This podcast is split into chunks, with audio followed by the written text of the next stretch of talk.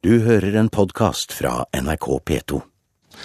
Syv malerier av kunstnerne Picasso, Matisse, Monet og Gauguin, for å nevne noen, ble stjålet i natt fra kunsthall Rotterdam i Nederland.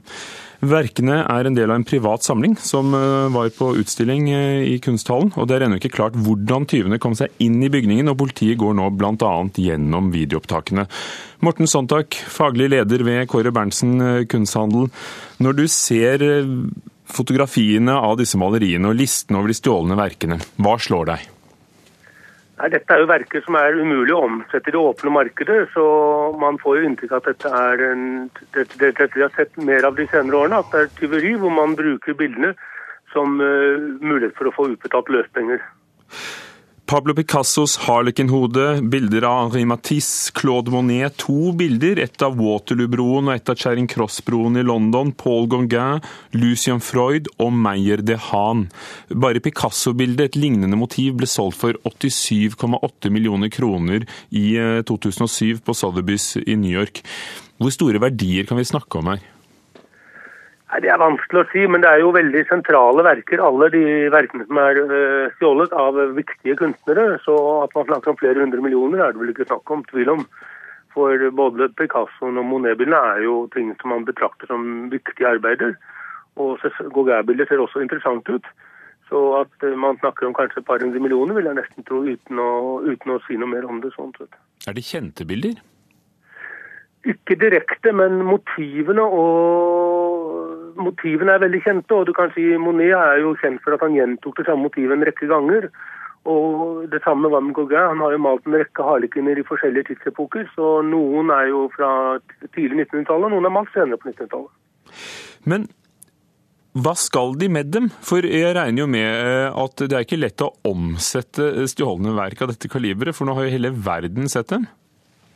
Ja, det er noe vi har sett de senere årene. At man da det er grunn til å tro at dette blir brukt i forbindelse med å presse forsikringsselskapene for løsepenger, og at man prøver den, det, dette med en form for økonomisk kriminalitet.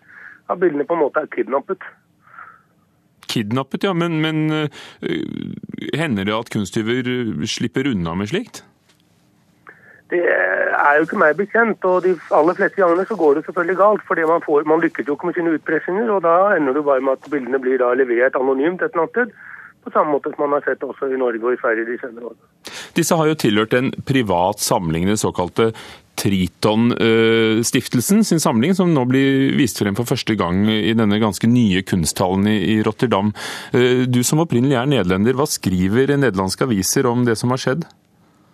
De skriver det du innledet med, at man vet i grunnen ikke hva som har skjedd ennå. At det er en, selvfølgelig veldig pinlig for museet.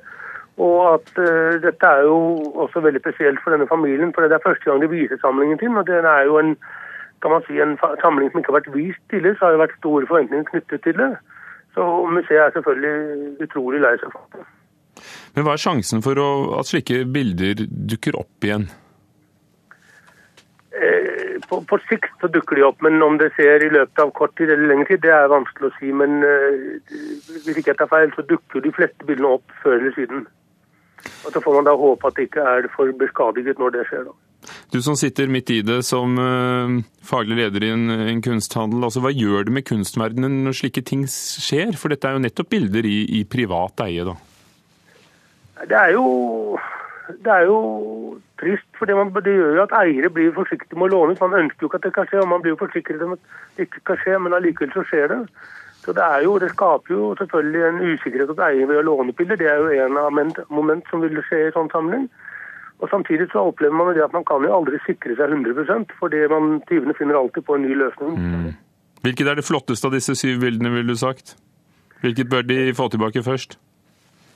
Det tør jeg ikke å si, for jeg kjenner dessverre ikke enkeltverkene så godt at jeg tør å gå inn på det. Men både Picasso og Gauguin ser veldig spennende ut. Takk skal du ha, Morten Sontag, faglig leder ved Kåre Berntsen kunsthandel. Og du kan se bildene og følge denne saken på nrk.no. Du har hørt en podkast fra NRK P2.